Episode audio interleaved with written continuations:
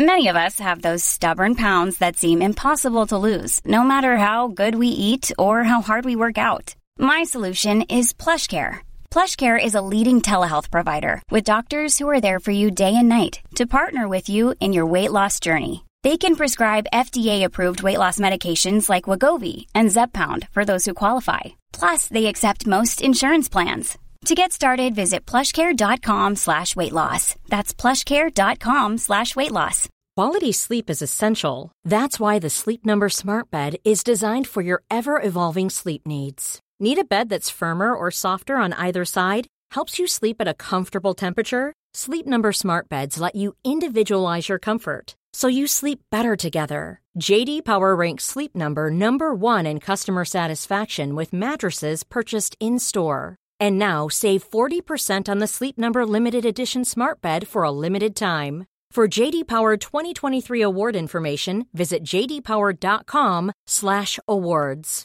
Only at Sleep Number stores or sleepnumber.com. Hallå! Simon Gärdenfors heter jag och snart börjar min podcast Arkivsamtal. I sommar åker jag på turné med Funny Fuck Up. Det är jag, Petrina Solange, Albin Olsson, Anton Magnusson med flera som ger oss ut på vägarna. Och jag kommer till Göteborg, Halmstad, Kristianstad och Helsingborg. Så passa på att köpa biljetter till detta i god tid. Nu till exempel. Utöver Funny Fuck Up så har jag cirka 10 standup-gig inbokade runt om i Sverige. Och alla de här datumen hittar ni på gardenfors.blogspot.com. I sommar så gör jag också någonting som är ganska ovanligt för att vara en podcastare i Sverige. Jo, det här gör jag. Jag fortsätter pumpa ut poddar regelbundet som vanligt. Både med den här podden, Arkivsamtal, och med Specialisterna Podcast. Vi kör vidare en gång i veckan. Den sistnämnda gör jag med Anton Magnusson och Albin Olsson. Vill du säga tack Simon för att du gör det här och bara öser ur dig underhållning som jag kan ta del av gratis och har gjort det i sex år. Så gå in på patreon.com arkivsamtal och släng in en dollar eller två som en fin gest. Men om du är luspank så kan du väl åtminstone följa mig på Instagram. Där heter jag atgardenfors. Men nu kommer Arkivsamtal som klipps av min redaktör Marcus Blomgren. Mycket nöje!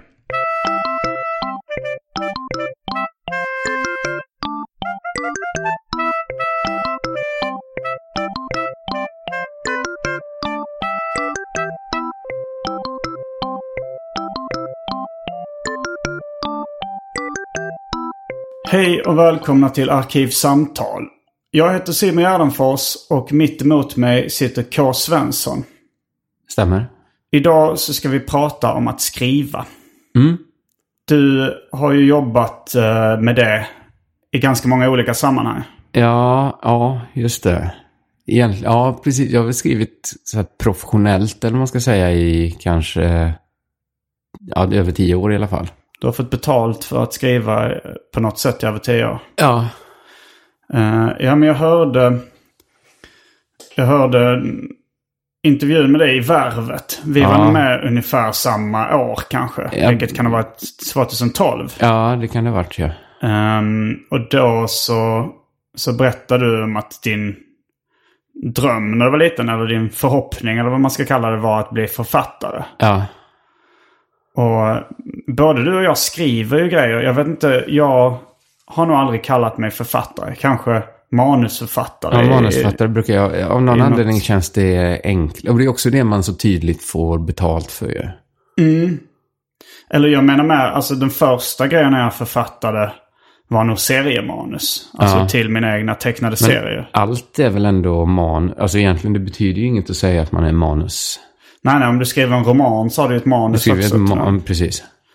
Men man menar väl att man är... Jag har ofta tänkt att jag skriver tv-manus då, eller radiomanus. Mm. Men inte bokmanus tänker man inte när någon säger jag är manusförfattare. Nej, man tänker inte på det. Nej. Nej. Eh, men Och ändå så, det, det måste ju vara en mer så här exklusiv grupp som är manusförfattare, alltså skriver för tv. Alltså det finns ju hur många bokförfattare som helst. Ja, speciellt på hobby och amatörnivå. Ja, och nu är det ju nästan samma sak. För all, vem som helst kan ju ge ut en bok idag ju. Det, Eh, eller det ja, finns ju väldigt men om man mycket tänker på de som liksom gör det som sitt uh, yrke, alltså de som lever Ja, Då är det på jättefå. Då är det väldigt få. Då är, det plötsligt, näst, ja. då är det nästan fler manusförfattare. Det är det nog. Än, eh, Det är det nog, ja. Mm, men vi ska, vi ska göra lite nedslag i eh, om skrivandet, passionen i skrivandet, Ja. hur man gör, tips och tricks. Ja, Eh, kanske tips på eh, litteratur om skrivande. ja. Eh, lite minnen från skrivandets eh, arbetsprocess och så Ja, vidare. ja, men det låter bra det här. Mm. Ja. Vi ska gotta ner oss.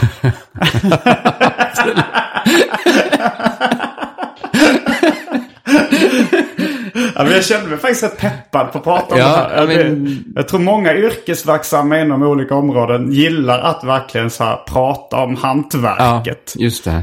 Eh, så jag, jag, jag kände att uttrycket gotta ner sig var på sin plats. Ja, nörda loss Mm. ordentligt. Ja. Absolut. Men eh, innan vi sätter igång på allvar så ska vi kasta oss in på det omåttligt populära inslaget Välj drycken.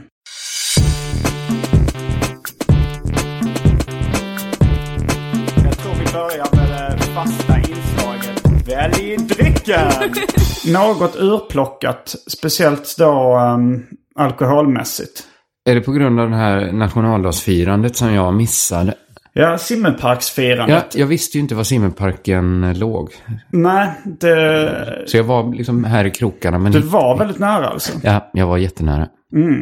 Men, Ja, det, vi la upp en... ehm, det är en tradition då. Nu, nu har jag pratat om det både i då Niklas Lövgrens podcast. Ja. Det här är min podcast. Som, eh, där liksom själva traditionen grundades. Och eh, nästa avsnitt av Specialisterna podcast. ja, går ja, igenom händelserna. det.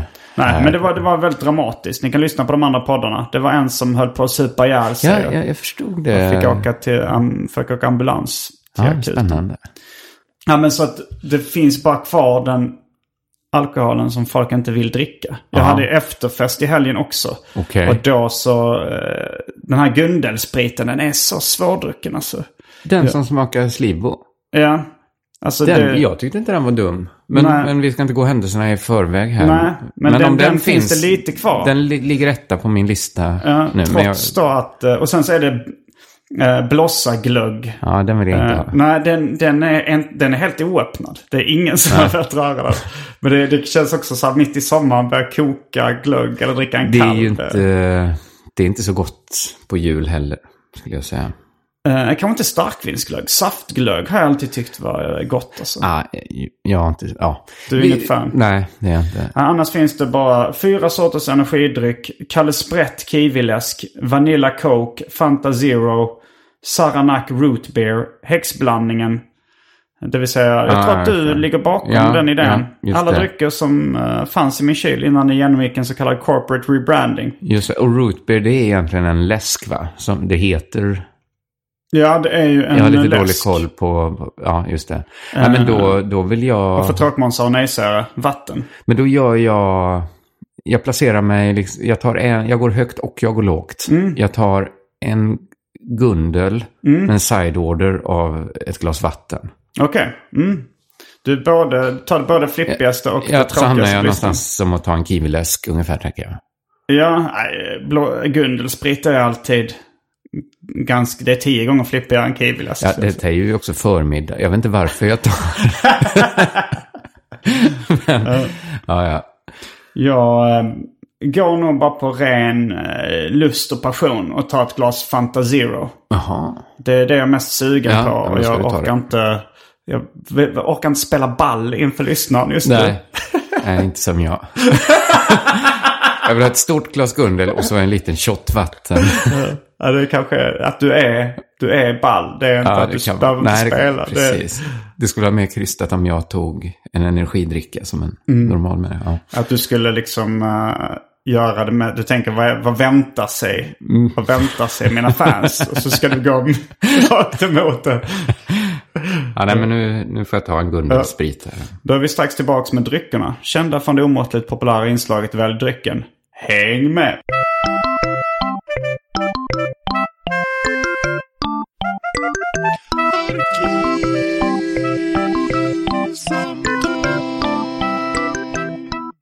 Då är vi tillbaka med dryckerna. Eh, och jag har ett glas Fanta Zero och du har faktiskt två genomskinliga drycker. Vatten och eh, Ja. Gundel. Som nu, det är det sista Gundel. Ja.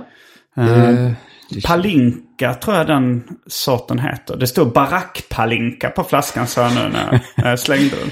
Någon slags fint palinka. det man låter. drick- dricker en barack. barack, är det någon länga, liksom, ett lite längre hus? barack. Men det är väl att, är det ett temporärt hus?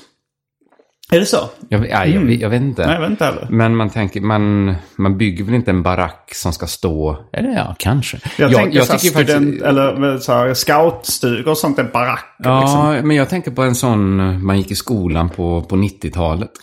Mm. I alla fall jag, att man fick gå så här, nu trean och fyran går ni i barack. Jaha. Alltså att för att de kanske byggde om skolan eller något. Jaha. Men jag tänker också på en brev från kolonien. Då, då snackar man om baracken där. Eh, alltså, Det kan kan ju också vara för att det ska rimma. Ja, han, han har töjt på det lite. Eh, ja, jag måste säga, jag tycker det är jättegod den här Gundel-spriten. Ja, det förvånar mig. Jag har haft väldigt svårt att få ner den. Alltså även, även allting har varit slut. Vad man- är det du tycker är, för den är inte sträv, den är ju inte så här... Det är något, eh, alltså det, det är det här uh, taglinen att den smakar spya redan på vägen ner. Men den taglinen, var kommer den ifrån? Den kommer från mig. Ja, ja, ja. Eller också från då eh, Max Leverin som gav mig den. Han, han, okej. sa, han sa ju inte, han sa att den smakar lite spya. Men sen Alltså, så var jag inspirerad av spya nu- uttrycket smaka skit redan i munnen. Ja, just det, just det, just det. Eh, och översatte det till smaka spya redan på vägen ner. Just det. Ja, eh, jag, jag tycker den, den förtjänar lite bättre renommé. Den Ja men du har ju, du gillar ju de här lite, ja men grappa och, Mm, och vad ja, finns det mer det. för sådana här? Som, Eh, så jag, jag gillar ju rätt mycket, jag gillar ju sprit. ja, jag dricker så var- sällan sprit. Så att det... Du berättade att du räddade din dag lite, att du skulle få dricka idag när du kom på det. Ja, men att jag skulle få ta en, liksom en liten shot. För att dagen började så dåligt. Mm. Det, det vet jag inte om det är kvar, för det var när vi testade ljudet. Nej, men din, eh, du hade gjort en inspelning som hade skitit sig. Ja, ja, precis. Massa, massa jobb åt helvete. Ja, ja, ja, ja. Ja, men då eh, kastar vi oss in eh, i ämnet att skriva. Mm, Den här... ehm, när när liksom du bestämde dig för att bli författare eller när du... Den här drömmen eller den här viljan. Ja. Hur började den? Så jag, jag vet inte riktigt. Den, det, den hör väl samman med liksom en allmän dröm. För jag kan känna det att jag har nog alltid haft en allmän dröm om att bli liksom artist på något sätt. Eller liksom något konstnärligt. Och nästan alla, nästan allt kräver ju att man skriver på något sätt. Förutom just det vi håller på med nu. Ja, fast även mina poddar. Du, bibli- du, du är en av de få som skriver mycket poddar också. Jag skriver ju även det som är uppenbart då, bibliotek som är den litterära podden jag har. Men även eh, Della Sport och Della Art. Ja just det, ni Papp. skriver prator. Vi Ja. skriver ändå mellan, säg tre och sju sidor brukar jag ändå skriva till varje avsnitt. Jag skriver oftast bara listan till välj drycken. Ja. Ibland lite stödord också ifall jag har gjort Har jag lite bråttom research. skriver jag stödord, men i 90 fall av 100 så skriver jag eh, alltså allt jag ska säga. Eh, Men det är, ja. liksom, det är ju lite ett sätt att leva tycker jag. Att hela tiden hålla på och skriva. Alltid ha ett dokument öppet. Och så fort man får tid så sätter man sig och skriver. Ja, Jag har nog alltid skrivit någonting. Ja. Alltså nästan. Eh, för det började med seriemanus. Ja. Och då kommer jag ihåg att det började nog med att jag tyckte det var roligt att teckna. Jag tyckte Ja. det var roligt att rita och sådär. Och sen så mm, var jag väldigt bestämd att jag ville bli serietecknare. Att jag liksom ville bli bra på det. Ja. Och då kommer jag ihåg att jag läste mycket så här liksom eh, om hur man skulle bli serietecknare. Och då var det liksom, då tänkte jag men då måste jag också göra manus liksom. Då Ja. vill jag vara bra på det. Och då var det, fick jag som tips, men då måste man läsa, man ska läsa mycket litteratur. Ja, och det. man ska liksom, man ska bli bra på att skriva. Så då var det nästan att jag sa, okej det var något av ett nödvändigt ont. Jag tyckte det var väldigt kul när jag väl kom igång med att skriva. Men Ja. det var mer så här, för hur ska jag nu eh, hur ska jag nu gå tillväga för att kunna teckna de här serierna? För det var nog det, det grafiska jag var mest intresserad av först. Ja, okej. Just det. Men, men, började du kunde skriva direkt när du satte dig ner? Eh, alltså du menar som barn eller sådär? Nej, nej, jag menar liksom... eh, Kunde, kunde du skriva ett serie... För det vet jag knappt hur man gör idag, liksom. Hur man skriver ett seriemanus. Nej men då så, jag, jag gjorde nog så att jag gjorde bildmanuset direkt. Att jag gjorde ruta, alltså Ja, så ja. jag, jag skriver ofta, jag har gått tillväga på lite olika sätt när jag gjort eh, seriemanus. Men det vanliga är nog att jag, alltså de första gångerna var jag ju så, hade jag så korta serier att det kanske bara var sex rutor eller något sånt där. Ja, just det. Eh, och då så kunde man ju ha hela idén i huvudet och sen så bara eh, göra en skiss där man liksom ritar upp slarvigt tecknade rutor och skriver in Ja, ja, vad som ska det. stå i dem. Just och sen det. så gör streckgubbar eller väldigt förenklade grejer. Så att, liksom. Men också serietecknaren Chris Ware. Han brukar alltid återkomma till att, eh, att tecknade serier är writing with pictures, som han säger. För Ja, det är det väl. Mm, för det är ju, eh, alltså för ofta är, ju liksom bilderna i tecknade serier väldigt stiliserade. Ja, Så att istället för att skriva Simon så ritar jag liksom den ikonen för Simon som Ja, är då i mitt det. seriealter ego. Och istället för att skriva eh, en spade så ritar man en väldigt stiliserad ikon för en spade. Att det är ju det är ju mer likt, alltså eftersom serierna ofta är så grafiskt och ikoniskt Ja. utformade så är det ju lite mer som att skriva med bilder. ja inom tv säger man ju show, don't tell.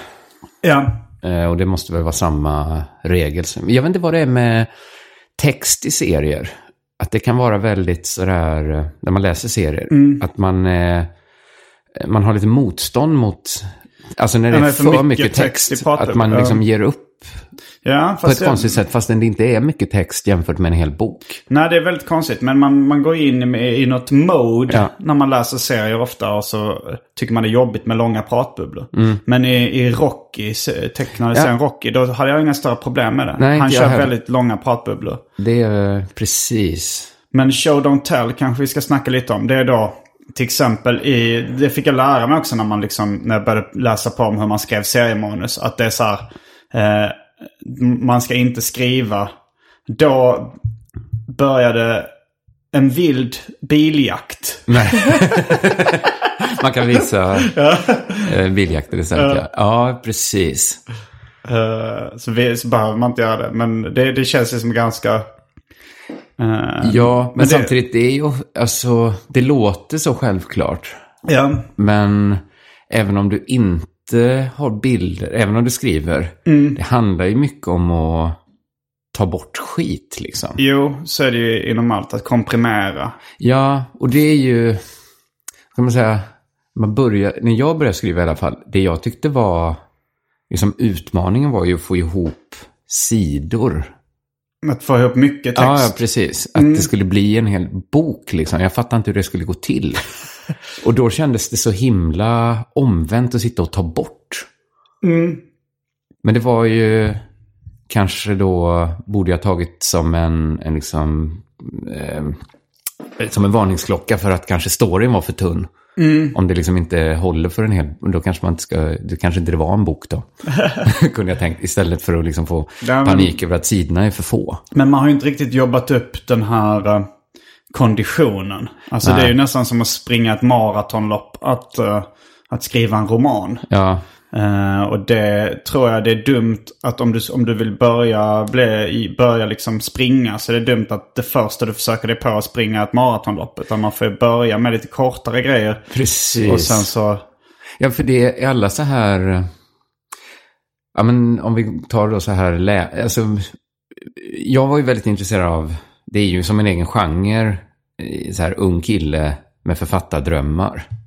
Som, Alltså ja, en roman Säg- som handlar om en ung kille med Precis. författardrömmar. Ja. Eller liksom en inte så ung. Men, men vi har Till pratat... exempel Jack av Ulf Lundell. Eh, Precis, eller eh, Hank Chinaski, Chinaski av eh, Charles Bukowski. Var, var det mycket, jag minns inte att det var så mycket om eh, den unga Inte så mycket, för han var inte så ung liksom. Men han, han, han jobbade ju som Ja, författare. för sig Postverket, hans debutroman. Precis. Han där handlar så- om att det slutar med att han börjar skriva en roman om det han just har varit med om. tror det är så. Ja. Och i de andra så håller han ju på och är full och skriver dikter i alla fall. Men alltså, skitsamma om han var ung eller inte, det handlade ju om att skriva liksom. Eh, så den typen av... eh, jag vet inte, hur börjar jag säga det här? Vi pratar om eh, roman... Ja, precis. Ja. Men just det, det var det jag skulle säga. Att, att då kunde jag bli så avundsjuk för att deras go-to-grej var ju... Det är ju nästan alltid så här att de skriver en novell och skickar in till ett litterärt magasin. Men det kändes ju, här när man själv höll på som... Som en, som en liksom, var, var skulle den skick, vem skulle läsa den? Vem läser en novell i ett magasin idag? nej, det är inte så vanligt. Det, det blev mycket så här, det känns naturligare att gå direkt på och skriva liksom maratonloppet då. Ja, i Sverige, liksom när vi växte upp, så var det väl det. Ja, Eh, deras, eh, ja, men jag, jag kan tänka mig på, på eh, 50-talet i USA så fanns det en del noveller. Ja, Alltså det fanns kanske så science fiction-tidningar som hade, som hade liksom science fiction-noveller. Som serietecknare då hade jag det kanske lättare då för då skickar det man in finns en ju nästan bara, det är vanligare med Ja, det är ju noveller. serienoveller egentligen liksom. Ja. Och så skickar man in dem till någon tidning. Och... Det är nog inte så vanligt att man börjar eh, skriva en lång serieroman det första man gör. Det börjar nog bli vanligare nu att det folk liksom, ja men eftersom serieromanen har fått eh, ett genomslag. Ja. Så tror jag att eh, folk, för jag känner ju folk som har jobbat på serieskolor och sådär. Ja. Och de säger ju att, då att, det, att det är många elever som har en, så här, kanske har en idé till en serieroman och försöker börja på den direkt. Ja. Men att de då eh, förbjuder eleverna att börja på det direkt. Att de måste Ja. börja med något kort eh, istället. Ja, det låter, det låter ändå som ett bra tips. Ja, jag tycker också det. Jag, ja, men jag, det är nog det enda. Alltså jag har skrivit seriemanus, jag har skrivit uh, låttexter Ja. och eh, bloggposter och... Ja. eh, jag har nog aldrig gjort en... eh, alltså jag har aldrig skrivit en roman. Inte gjort ett försök heller. Nej. Nej. det närmaste jag skulle säga um, jag kommit att skriva en roman var när jag tillsammans med Johannes Nilsson skrev en interaktiv roman. Ett så kallat soloäventyr. Vad, vad betyder detta? Ehm, på 80-talet så spelade jag någon till, eh, en grej som hette Soläventyr. Då som var Ensamma vargen hette den eh, bokserien som jag läste slash spelade. Det var liksom som ett rollspel i romanform. Med liksom alternativ då? Mm. Det står så här, du... Det kanske beskrev karaktären först och sen så kommer han in på ett värdshus och så ser han en äldre man som sitter någonstans. Så, Ja, Vill du gå fram ja. och prata med honom? Gå till nummer 32. Exakt ett sånt här spel försökte jag göra. Det här måste vara tidigt 90-tal. Programmera i QBasic. Det var ju väldigt... Jag fattade inte hur tidskrävande... Nej, För att själva programmeringen var ju enkel. Men, men det blir ju väldigt många alternativ. Ja, Om- ja, men vi satte oss, vi gjorde en sån. Den ligger ute på, på internet. eh, Det var någon som postade en länk till den i Arkivsamtal eftersnacksgruppen på Facebook nyligen. Ja. Så den ligger ute den, men det blev ju lika tjock som en roman. Så det skulle ju kunna mm, liksom bli Ja. någon form av interaktiv roman. Men, men jag Men, aldrig men liksom hjälpte det interaktiva er? Eller hade det kunnat varit bara en vanlig roman? Hjälpt oss på vilket sätt? Alltså blev det en, bet- en bättre produkt? Än om Eh. ni hade skrivit en roman utan flervalsalternativ hela tiden. Jag tror nog... Alltså jag hade nog inte... Den, den är väldigt flippig. Ja, Och ganska, de- den är ganska, jag tror ifall vi bara hade skrivit, nu köper man ändå nog att den är, den, vi skickade in den till lite olika bok, bokförlag och fick den refuserad. Men, eh, och sen publicerade vi den bara på nätet. just det. Eh, men, eh, och då, det funkar ju egentligen bättre på nätet, det är ju lättare att Det är klicka. lättare och- att hoppa, ja, Ja. just det. Men det, det, det är men, någonting... det, men det hade nog bara varit ett osammanhängande tramsbok liksom om, om den var en, eh, en roman. Ja, man blir Fast aldrig... kanske kul, jag vet inte riktigt. Ja, men ibland när man är på bibblan och sådär. Och det, det finns ju så här, vad heter han, Italo Calvino. Det kanske han heter, en italiensk författare som håller på mycket med, med väldigt så här, inte ti- ja men han höll på tidigt med så här små experiment. Mm, och det är också sådär, eh, gör du så här, vill du det här, flytta fram, hoppa fram till sidan 64. Ja, okej. Al- Alltså, ja, verkligen då en interaktiv roman. Mm. Eh, jag blir aldrig riktigt sugen på det. Nej. Det... Eller, så här, det, det görs ju sådana försök, som så här, vad heter det, nollor och noll, nudlar och nollor. Nudlar och 08. Ja. Att man skulle så här byta, den gick Ja. då för folk som inte var med. Samtidigt startade den på både ettan och tvåan. Mm. Och man kunde då liksom välja Jo. scener fram och tillbaka själv. Men å andra sidan så är ju i förlängningen så blir det ju ett uh, datorspel Ja. eller tv-spel. Och Det det, är är det ju väldigt jag- populärt. det är väldigt populärt, ja. Många som är sugna på att spela det hela tiden. bara, bara inte jag då. Du, du spelar aldrig uh, spel? Nej, aldrig. Jag gör det knappt längre heller. Eller jag kanske, alltså om jag kommer över Pac-Man på någon arkadhall eller Tetris eller Men det är ju nästan inte ett spel. Det, Nej, det är är inte det som att lägga en patiens mer jämfört med ett dataspel. Vad sa du? Det är väl mer jämfört med att lä- lägga en patiens. Ja, Jag tänker det är det. att det Även om det finns en liten story i Miss Pac-Man där det Mm. är så här när man klarar första leveln så står det They meet. Och så är det en Pac-Man med rosett och en Pac-Man utan rosett som, som bara åker mot varandra. Så är det ett hjärta. Så det är någon form av story. Ja, nej, men jag, jag tycker det verkar fett allt sånt egentligen. Dataspel och rollspel och allting. Det är bara Mm. att jag, jag, jag, jag fattar inte riktigt Nej. hur ett dataspel går till. Vadå, hur, man styr väl inte det handlingen? Eh, ja, men det är väl som många, många spel är ju som en interaktiv roman. Att du så här, vill du... Jo. Du träffar en ninja. Vill du kasta en, en, en pinne i huvudet på honom eller vill du springa därifrån? Och ledet interaktiv är ju lite... Alltså man är inte med så mycket och styr som läsare. Nej. Egentligen. Eh, nej, mm, eh, inte... Nej. Det, ja, men det var som, kommer du ihåg, det kom en mera som var så här lördagsunderhållning där det gick en sån här film och sen fick tittarna bestämma slutet. Det var ofta någon Ja, sorts var det det dilemma. kommer mera? För, Ja, det, det kan ha varit något annat Jag också. för mig de hade det. Det var ett grepp på tv. Kan vara ett inslag i Bullen också. Ja, jag mig. men jag minns bara att det var mycket så här mentometerknappar Ja. Mm. där. Att det var mycket man skulle bestämma, men samtidigt blev ju ofta rätt besviken. Att det var... bestämde vi verkligen så mycket.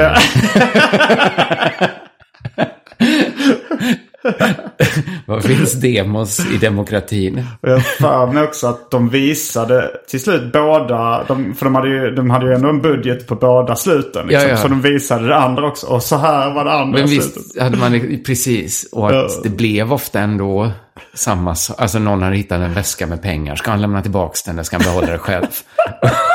liksom. ja, jag vet inte. Men det, det kändes lite som det interaktiva momentet var lite chimärt. Ja. Men jag tänkte på experimentella romaner. Eh, jag har mig vi har haft en diskussion på internet. eh, om, för, för det var väl...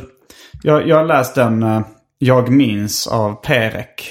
Ja, Och jag har för mig du skrev eh, att det fanns en amerikan som var ännu tidigare med den Vad. Den heter Bernard. Ah, det här borde jag kunna. Ja, den heter också Jag minns. Mm, mm. Eh, den, jag vet inte om han var före, den kom kanske på... Ah, nu kan jag inte... Gud, vad jag, jag Jo, men jag kollade upp det på Wikipedia och det stämde ju att det var en Det amerikan eh, som då, som jag inte minns vad han hette, Men som var före. tycker du den är experimentell? Alltså när jag läste eh, Jag minns av eh, Perek så skulle jag nog säga att den var...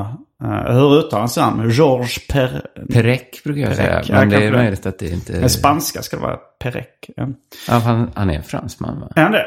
Okej. Tror jag. Ja, ja. Men eh, okej, Fan, det är experimentellt på det sättet. Det finns ingen handling. Det finns inga huvud. Alltså det är bara de listar bara minnen. Ja, Eh, Det är bara så här, det står så här.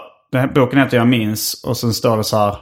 Jag minns eh, att det fanns en ost som hette Lavache Seriös. Men som blev uh, som Lavache uh, Curie.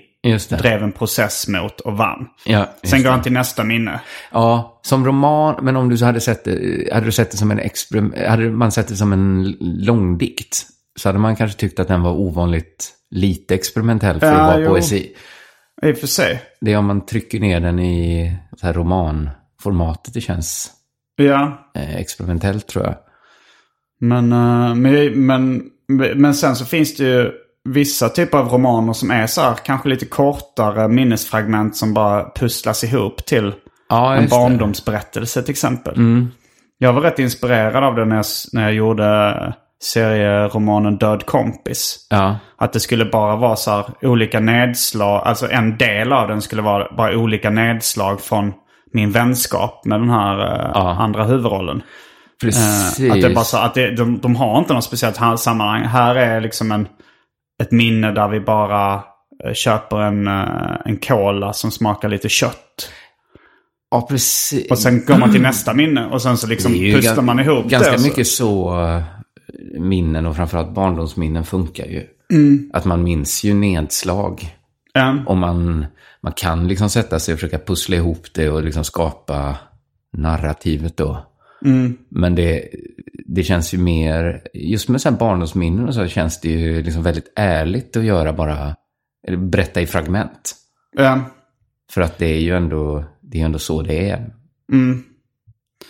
Men du måste väl ha gjort ganska många romanförsök kan jag tänka mig. För du har väl aldrig Ja. skrivit en tra- eh, tradition... Eller du har väl aldrig publicerat en, eh, en traditionell roman från ax till limpa skriven? Eh. Eller har du det?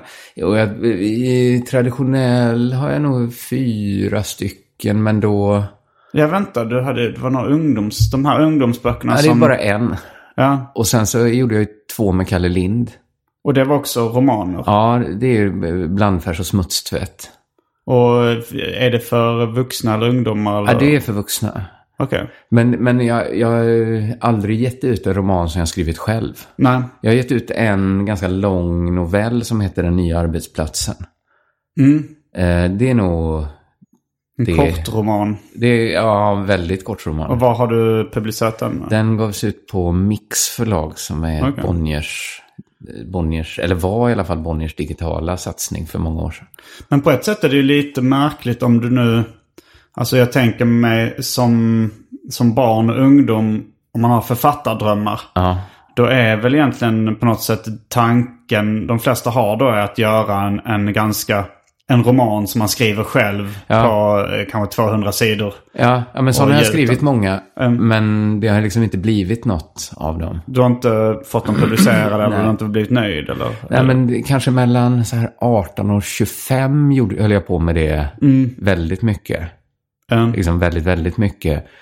Och jag trodde, jag, jag trodde liksom det var så. Man skriver en roman, skickar in den och så får man den antagen eller inte. Och, och så är det väl också ganska mycket. Men det nog ibland. ja, sen har man kanske fattat att, att, liksom att det kommer från en totalt okänd människa en helt påhittad historia. Det ska mycket till tror jag för att dels att den blir utgiven, dels att någon bryr sig. Liksom. Ja. Alltså både, inget av de leden hade jag någon chans på egentligen. Sen, sen, det var också bra för att jag kunde inte riktigt då. Men, Jag visste inte vad som krävdes. Men nu håller, det är först nu egentligen som jag håller på med mina första egna romaner. är det de som du eh, publicerar i poddformat Ja, först? pre- precis. Jag ska ge ut en trilogi eh, nästa vår. Som, som jag håller på att slutföra nu. Så nu, nu gör jag ju debut med buller och bång liksom.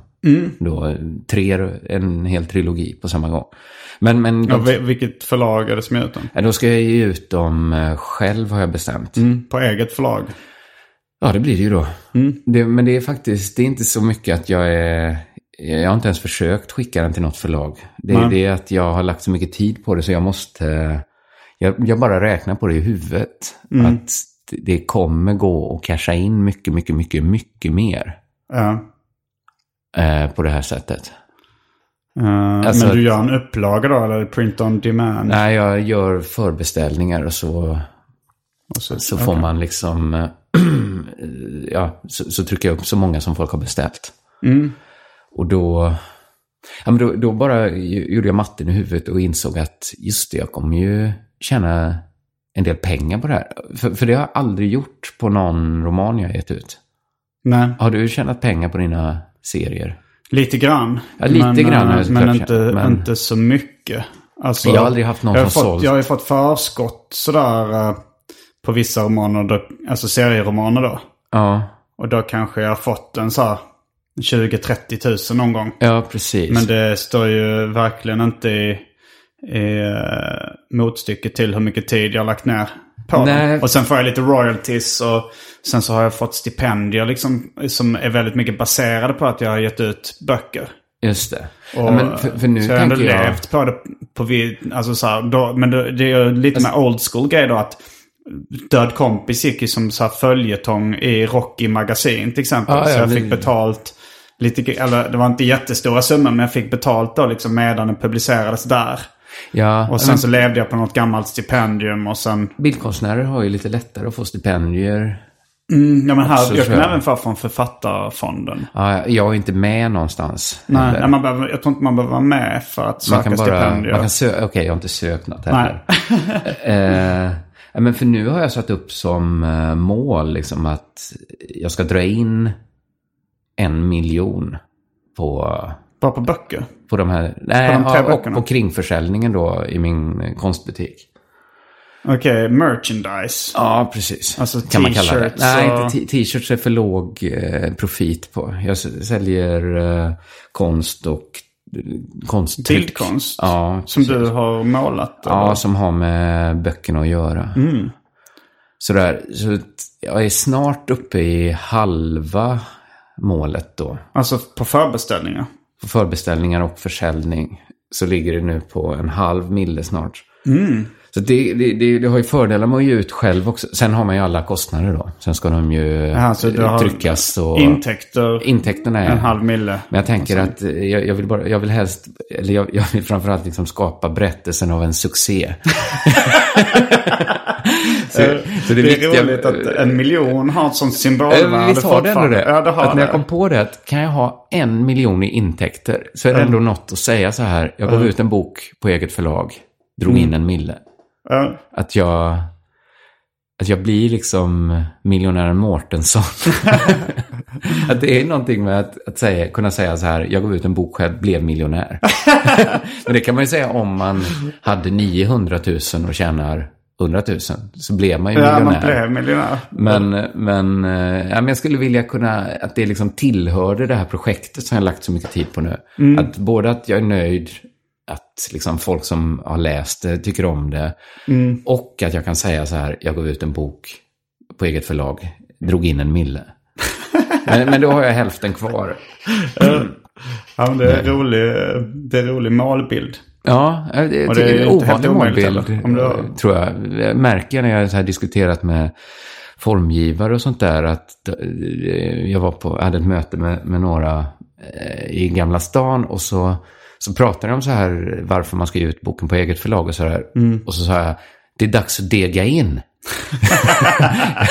Cashen måste in. Och det, jag bara kände, just det, det här tänkandet finns inte så mycket inom bok.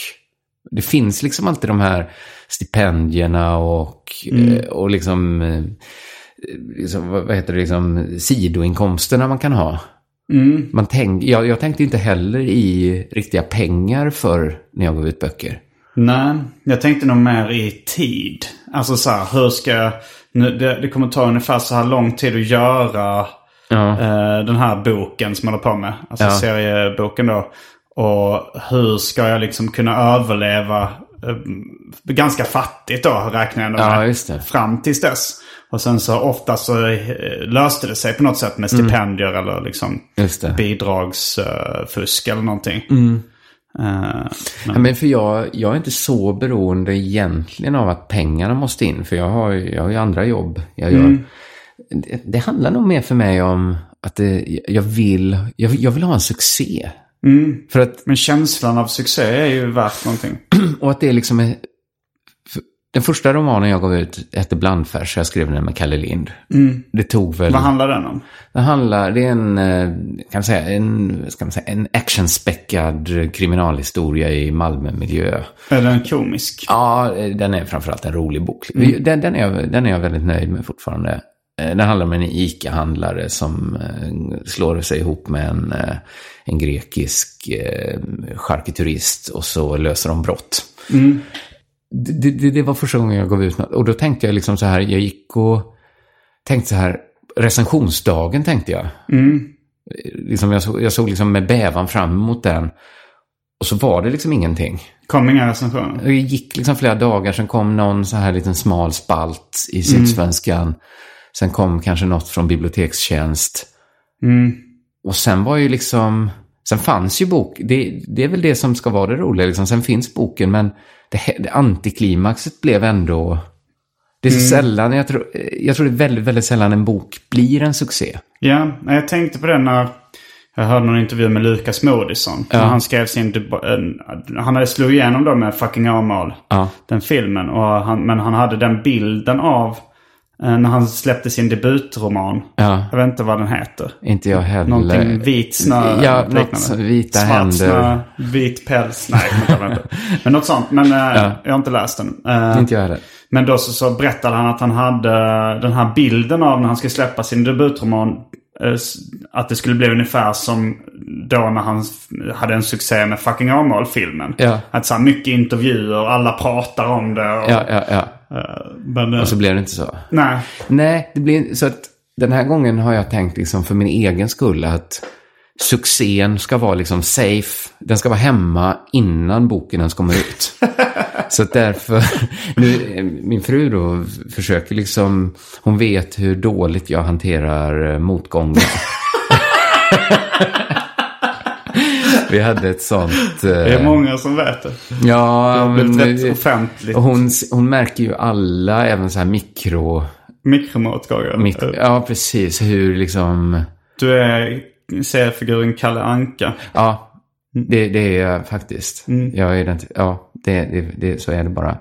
Men, men jag kan bli väldigt knäckt och liksom... Jag behöver inte ens beskriva hur jag blir, men, men, men eh, hon blir ju liksom oroad av det här uppeggandet för både... När man peggar upp för en succé, peggar man ju också upp för ett fiasko. Ja, visst. Förväntningar bäddar för besvikelse. Ja, och hon vet ju, hon anser ju då, jag tror med viss rätt, att besvikelsen står inte i proportion till liksom glädjen i en succé. Du tänker att eh, om, om det blir en succé så kommer du känna kommer- lite glädje. Om det inte blir en succé kommer du känna stor besvikelse. Ja, ja men kanske så här bränna mig själv med cigaretter. Och jag, jag får liksom den... Nej, jag har försökt förklara för henne att nu är det så att nu måste jag göra så här och jag kan inte svara för hur jag blir om det här blir ett fiasko. There's never been a faster or easier way to start your weight loss journey than with PlushCare.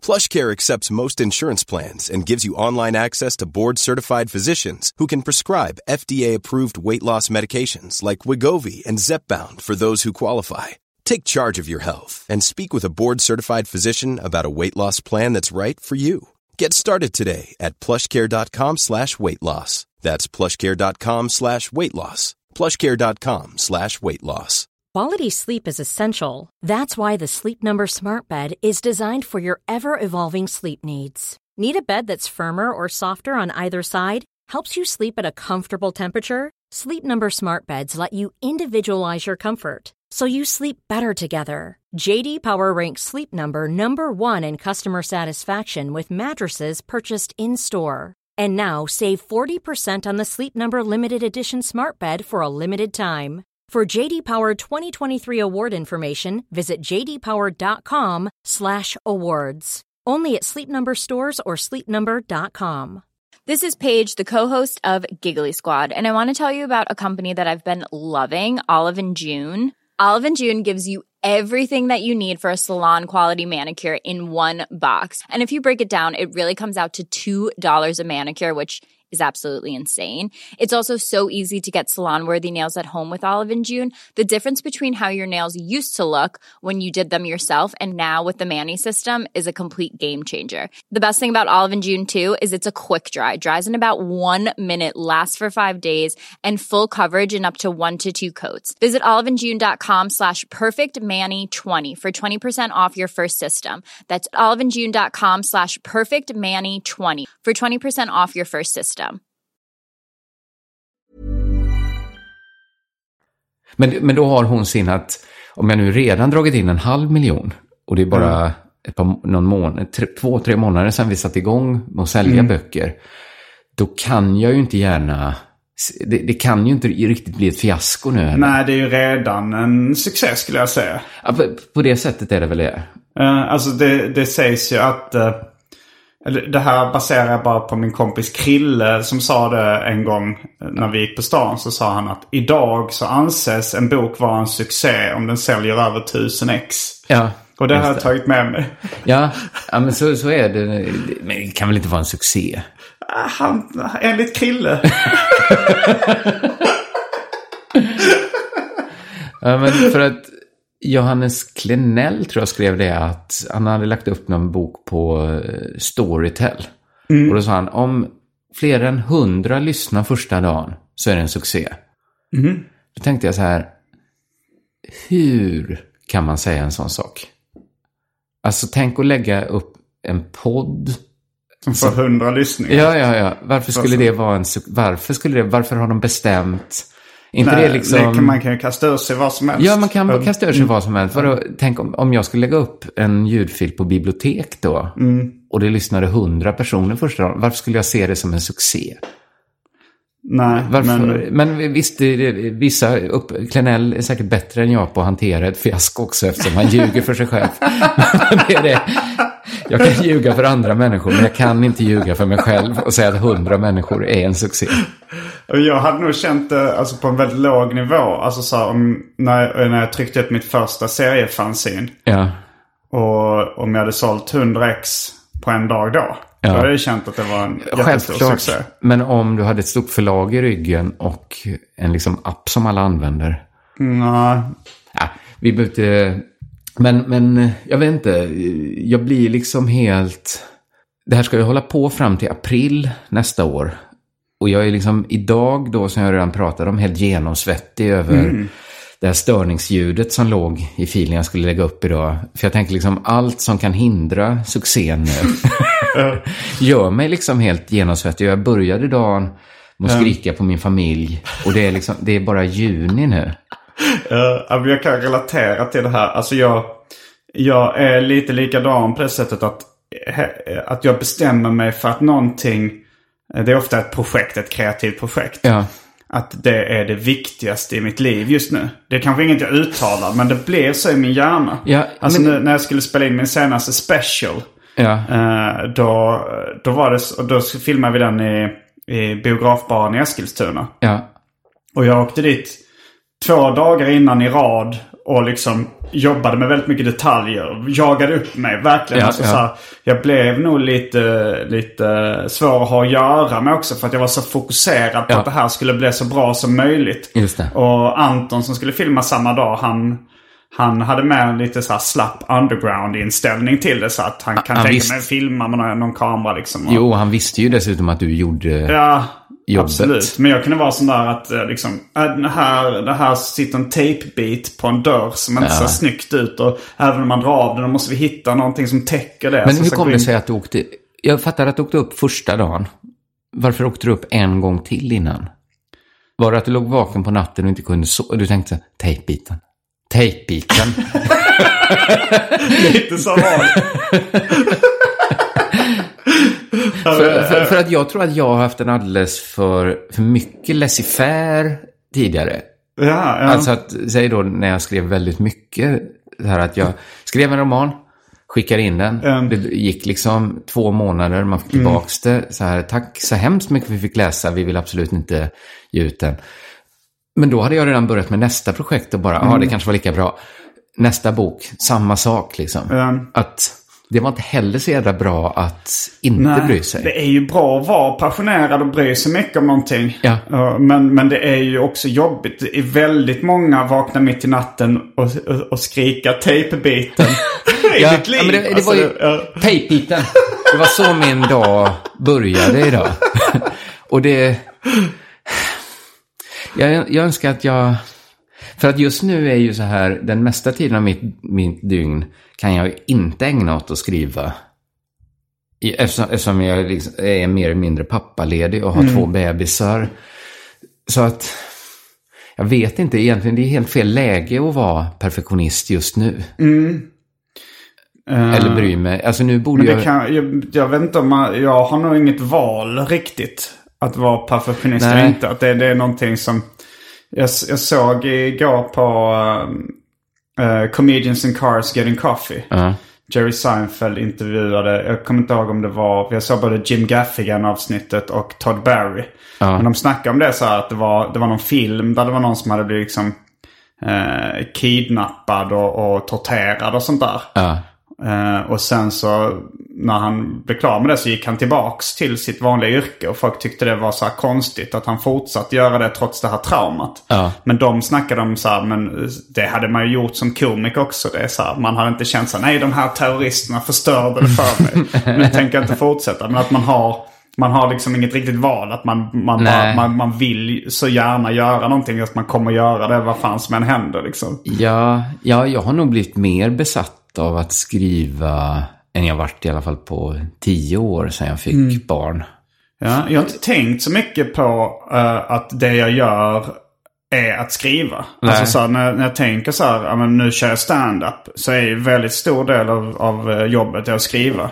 Ja. Och samma sak när jag gör musik eller Ja, eh, nu har, har jag just börjat eh, eh, med en eh, sitcom. ja, jag har förstått det. Det låter väldigt spännande tycker jag. Mm. Och det var då, men då, då var det också skriva ett manus. Ja. Det var ju lite som att skriva en novell eller skriva en roman Ja. i det formatet. Och det var så jävla roligt att skriva den alltså. Det, det, Ja. det, Det, det är faktiskt en väldigt bra sak med att ha, skriva, för du har ju pratat om så här yrken att åldras i. Mm. Jag upplever att skrivande är en sån sak som blir roligare ju äldre man blir. Det kan jag tänka mig. Alltså att det blir... För först tänkte jag bara att det handlar om att jag har barn nu och att de liksom, timmarna varje dag jag kan sitta och skriva är liksom en sån härlig liten oas. Men jag tycker också, det är någonting man kan ju mer, man blir bättre och bättre. Det är ju, jag tyckte inte det var så roligt när jag var yngre. Nej. Jag tänkte att det var något, jag tänkte inte så mycket att jag tyckte om att skriva, jag tänkte att jag ville ge ut en bok tror jag. Jag tror faktiskt det. Men nu, det är liksom det roligaste jag vet. Nu. Så har jag nog aldrig känt innan. Nej, men jag tror det kan bli roligare och roligare också. Jag tänker så att, att åka skateboard, det ser ju skitkul ut Mm. Ja. när någon är riktigt bra på det. Att de bara hoppar och gör lite Ja. ollies och liksom grindar. Av, alltså så här, då ser det svinkul ut. Ja. Men, men när jag försöker åka skateboard det är inte så kul för att jag är Nej. så dålig på det. Ja, men jag det. kan tänka det är samma sak med skrivprocessen. Att när man, när man har liksom oljat upp maskineriet Ja, och man bara det. kan köra. Ja, är det Då är det nog svinkul. Eh, Ja. Ja, men det, jag är ja. nog närmare där. Jag, jag har väl liksom... Man, kom, man blir bättre och bättre. Och, och sen så är det så här att man... Eh, ja, men inom idrott och skateboard och sånt där så kanske också att man blir stelare i kroppen med åren.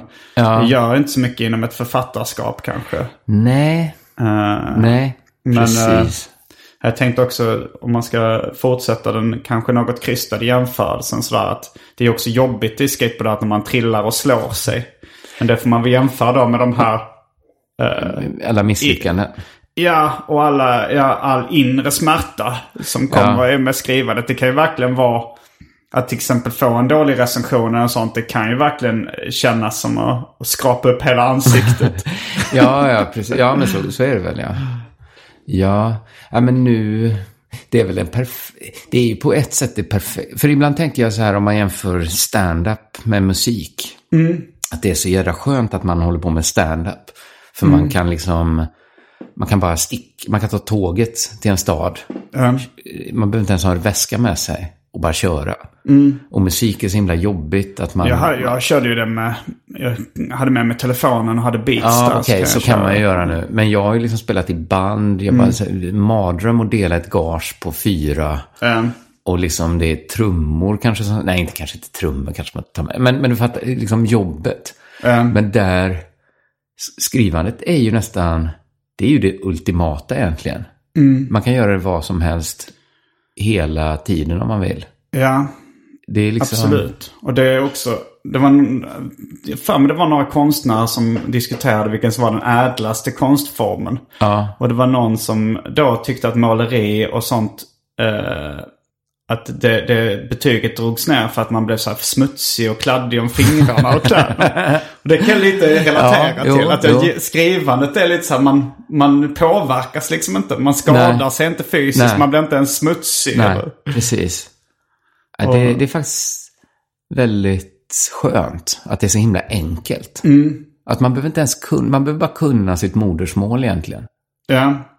För att, alltså, det är ju, måla med olja är ändå så här, det är något man måste lära sig. Nu har vi i och för sig pratat om att man blir bättre och bättre på att skriva också. Men, men det finns ju liksom ingen så teknik man måste eh, studera. Men man kan ju ändå, alltså en av mina favoritböcker, eh, favoritromaner som jag nämnt ganska många gånger innan.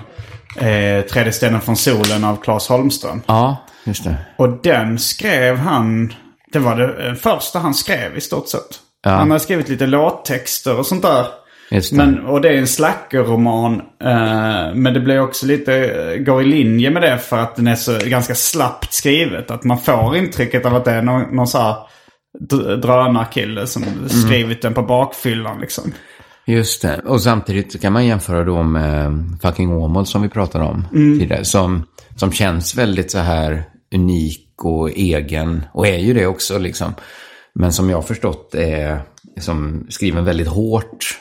Hållen mot en så här eh, klassisk manusmall. Ja, jag tror han hade läst boken eh, How to Write Blockbuster Cinema Ja, Scripts. jag har också läst eh, den. Jag läste en som hette Save the Cat. Save the Cat Goes to the Movie. Va? Save the Cat? Ja, det, det var något så här inslag som måste vara med i alla filmer. Typ. Jag kommer, jag kommer inte ihåg. Ett spänningsmoment när man ska rädda... Ja, alltså, eller om det var så här att någon som är väldigt osympatisk kanske man har en scen där den räddar en katt.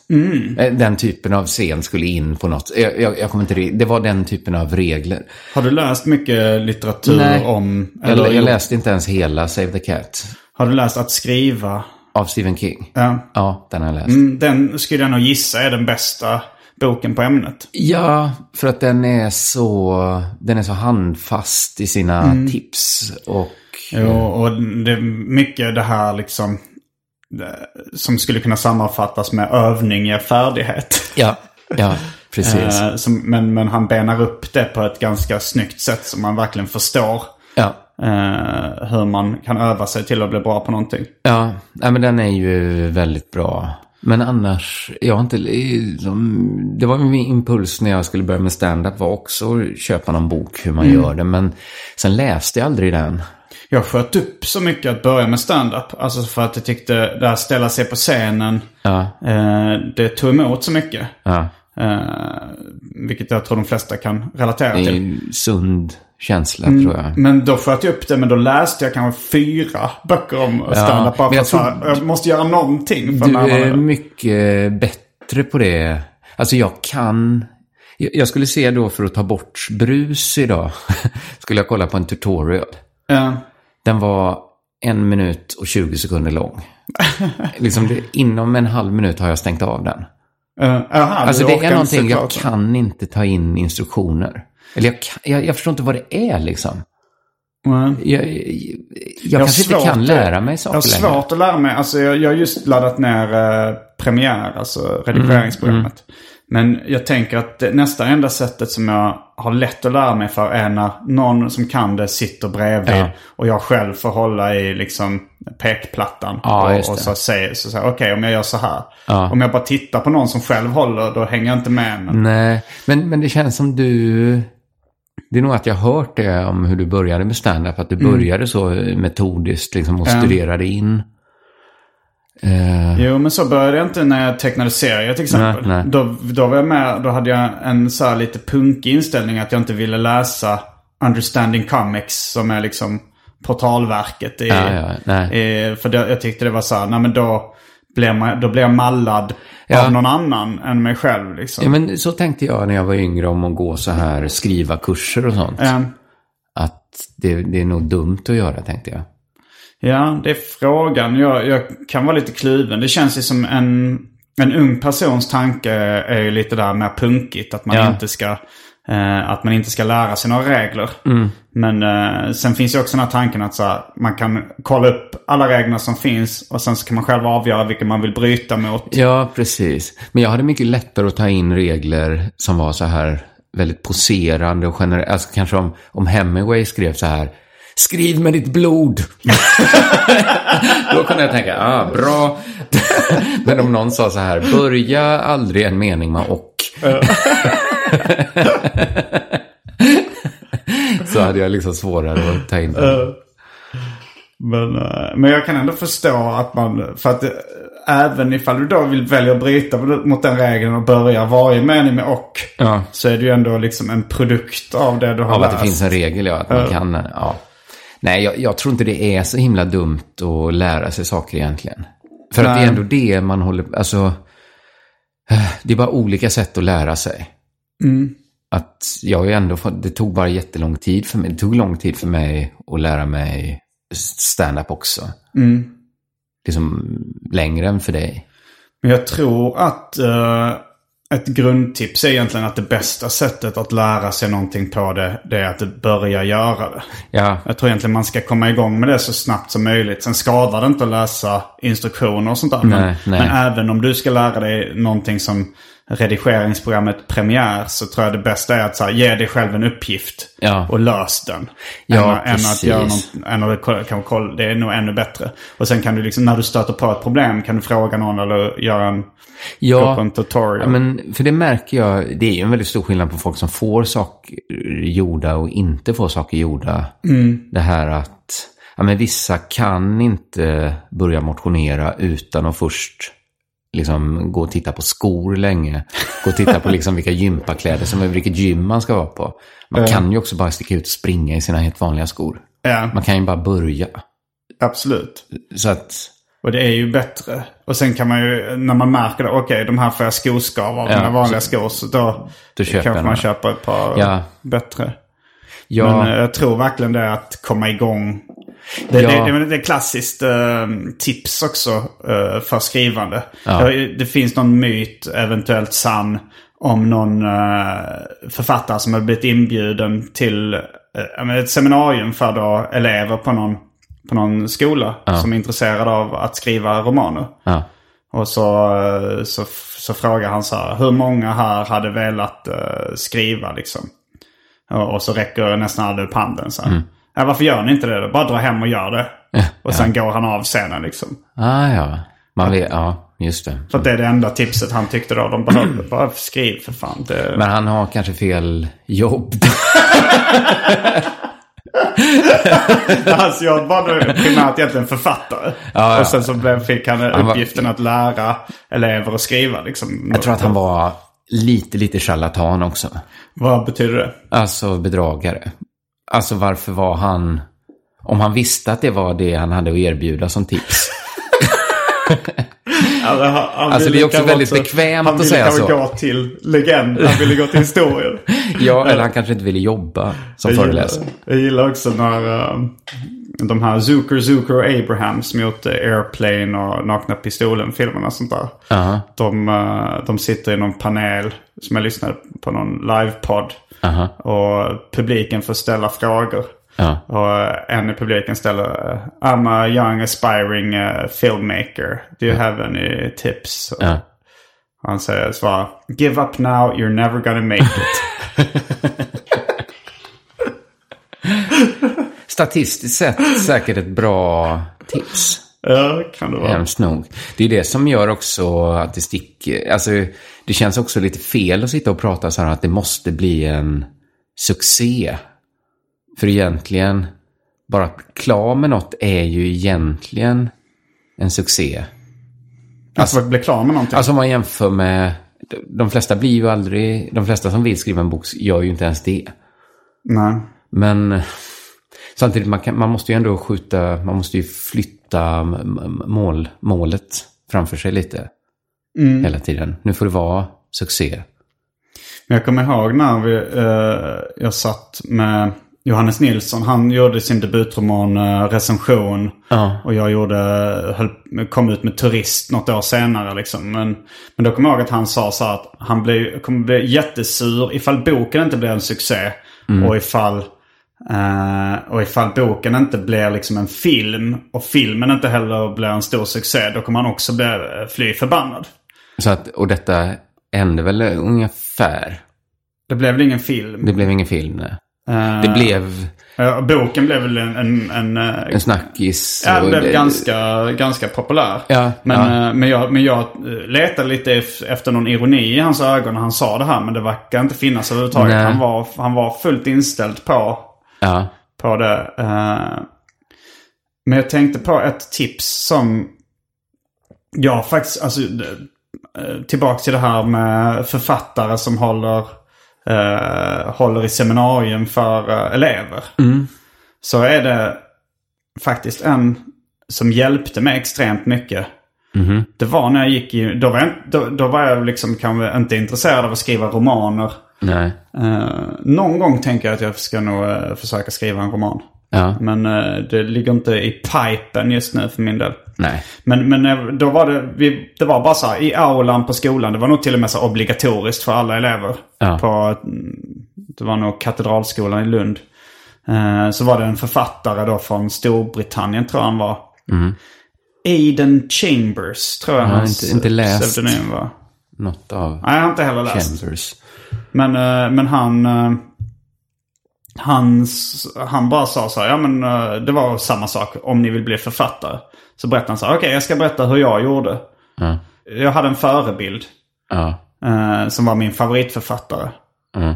Och sen så bara läste jag på eh, om hur han blev författare. Vad, Hur han hade gjort. Och sen så kopierade jag de stegen rakt av. Då, men då tänkte jag så här, för att jag ville bli serietecknare. ja, Och min förebild då var David Liljemark. ja. Som jag inte kände liksom. Nej, nej, nej. Och, eh, och, men jag läste intervjuer med honom och bara sa okej. han började med att ge ut fanzine och sen så skickade han in serier till det här Kamratposten och Python. Och så efter ett tag fick han dem publicerade och så här. Ja. Jag tänkte okej då ska jag göra exakt likadant. Och så gjorde jag det. Och det så, funkade? Ja det funkade. Ja. Så det var ett väldigt bra tips Ja, av det Aiden Chambers som jag tror han hette. Tips såklart. Det är klart det finns bra tips. Varför Ja, skulle det inte... För det hade inte jag riktigt tänkt. Det låter ju självklart att Ja. man skulle kunna göra så. Ja, ja, ja, ja. Men eh, jag hade nog inte... re- Alltså så här, det fick mig ändå så här, okej då ska jag göra det. Ja. ja, det låter självklart, men, men samtidigt... Det har ju också liksom funnits en tid när man inte vetat någonting. Jag satt... Så jävla ung var jag inte då, men jag var väl i 20-årsåldern någonting. Och liksom skrev på en sitcom ihop med en kompis. Jag hade liksom ingen aning. Och nu? Eller liksom, och det- dels hur man skriver en sitcom, men det, det gick ju ändå att tänka så här, ja men någon, det ska väl vara så här, karaktären och så en replik. Och så, liksom, det kunde jag ändå liksom lista ut. Men var, vad gör man nu liksom? Och svaret på det var ju man, nästan ingenting. Va, jag förstår inte. Alltså, det är ju inte så det går till liksom att man skriver en sitcom, eller framförallt inte då, Nej. skicka till TV4 och fråga så här, vill ni spela in den här? Eh, Så går det ju inte till. nej. Det är ju... Nej, Så jag började skriva en radiositcom med Anton och de till... Eller vi, vi, den är, finns ju publicerad också. Specialisterna i P3. Just det. Eh, då läste jag också så här, två böcker om hur man skriver sitcoms. Ja, Eight Characters of Sitcom. Jag tror det var en som hette How to not write a sitcom. Ja. Som fokuserar mycket på alla fallgropar liksom. Ja. Eh, men då så läste jag någon annan också. Ja. Eh, men eh, det går ju också att... Och jag, jag gjorde även så att jag tog mitt favoritavsnitt av Seinfeld och bara skrev ut manuset och läste igenom det och försökte liksom bena upp hur de hade knutit Ja, ihop trådarna det. och, och gjort där. Just det. Ja, det, det, det är ju... Ja, men det, det är kanske vissa saker är ju så. Jag skrev en, eh, en pjäs åt Malmö Stadsteater. Och det var så himla, himla svårt. Alltså, jag hade aldrig tänkt på hur man skriver teater innan. Jag är inte så intresserad av teater. Nej. Och liksom, det var... det var supersvårt att börja utan att veta någonting. Det var därför jag, det var nog därför jag läste Save the Cat. Men den var ju för blockbuster-filmer, det var inte alls samma sak. Nej, men uh, det kanske är vissa... Ja, jag försökte läsa lite böcker om så här dramaturgi och sånt där, men ah, det, det var faktiskt jättesvårt. Eh, Det märks att det är ett eh, ämne som vi tycker om att prata om. För det känns som att tiden gått så jävla snabbt. ja, den har det. Vi Det- kanske får göra ett till avsnitt om att Om att skriva. Ja, men det skulle vi kunna göra. Jag, jag har... Vi har bara skapat på ytan. Ja, vi- ja, precis. Vi kom inte... Ja, det känns som vi inte kom in så mycket på själva skrivandet. Jag tror att vi har sagt en del saker utan att man Ja, kanske Så har, är det nog. Så är det nog. har känt det själv. Ja. Riktigt in i märgen. ja, vi kan göra ett till någon annan Mm. gång i så fall. Om vi kommer på något, något fördjupande. Mm, nej, jag tror man skulle bara kunna fortsätta snacka. Ja, det skulle så- man kunna göra. Det kan vi göra ifall vi inte hittar på något annat ämne vi ännu hellre vill prata om. Ja, Tills nästa, precis. nästa omgång av Arkivsamtal med K. Svensson. Då säger vi tack för den här veckan. Jag heter Simon Gärdenfors. Jag heter K. Svensson. Fullbordat samtal.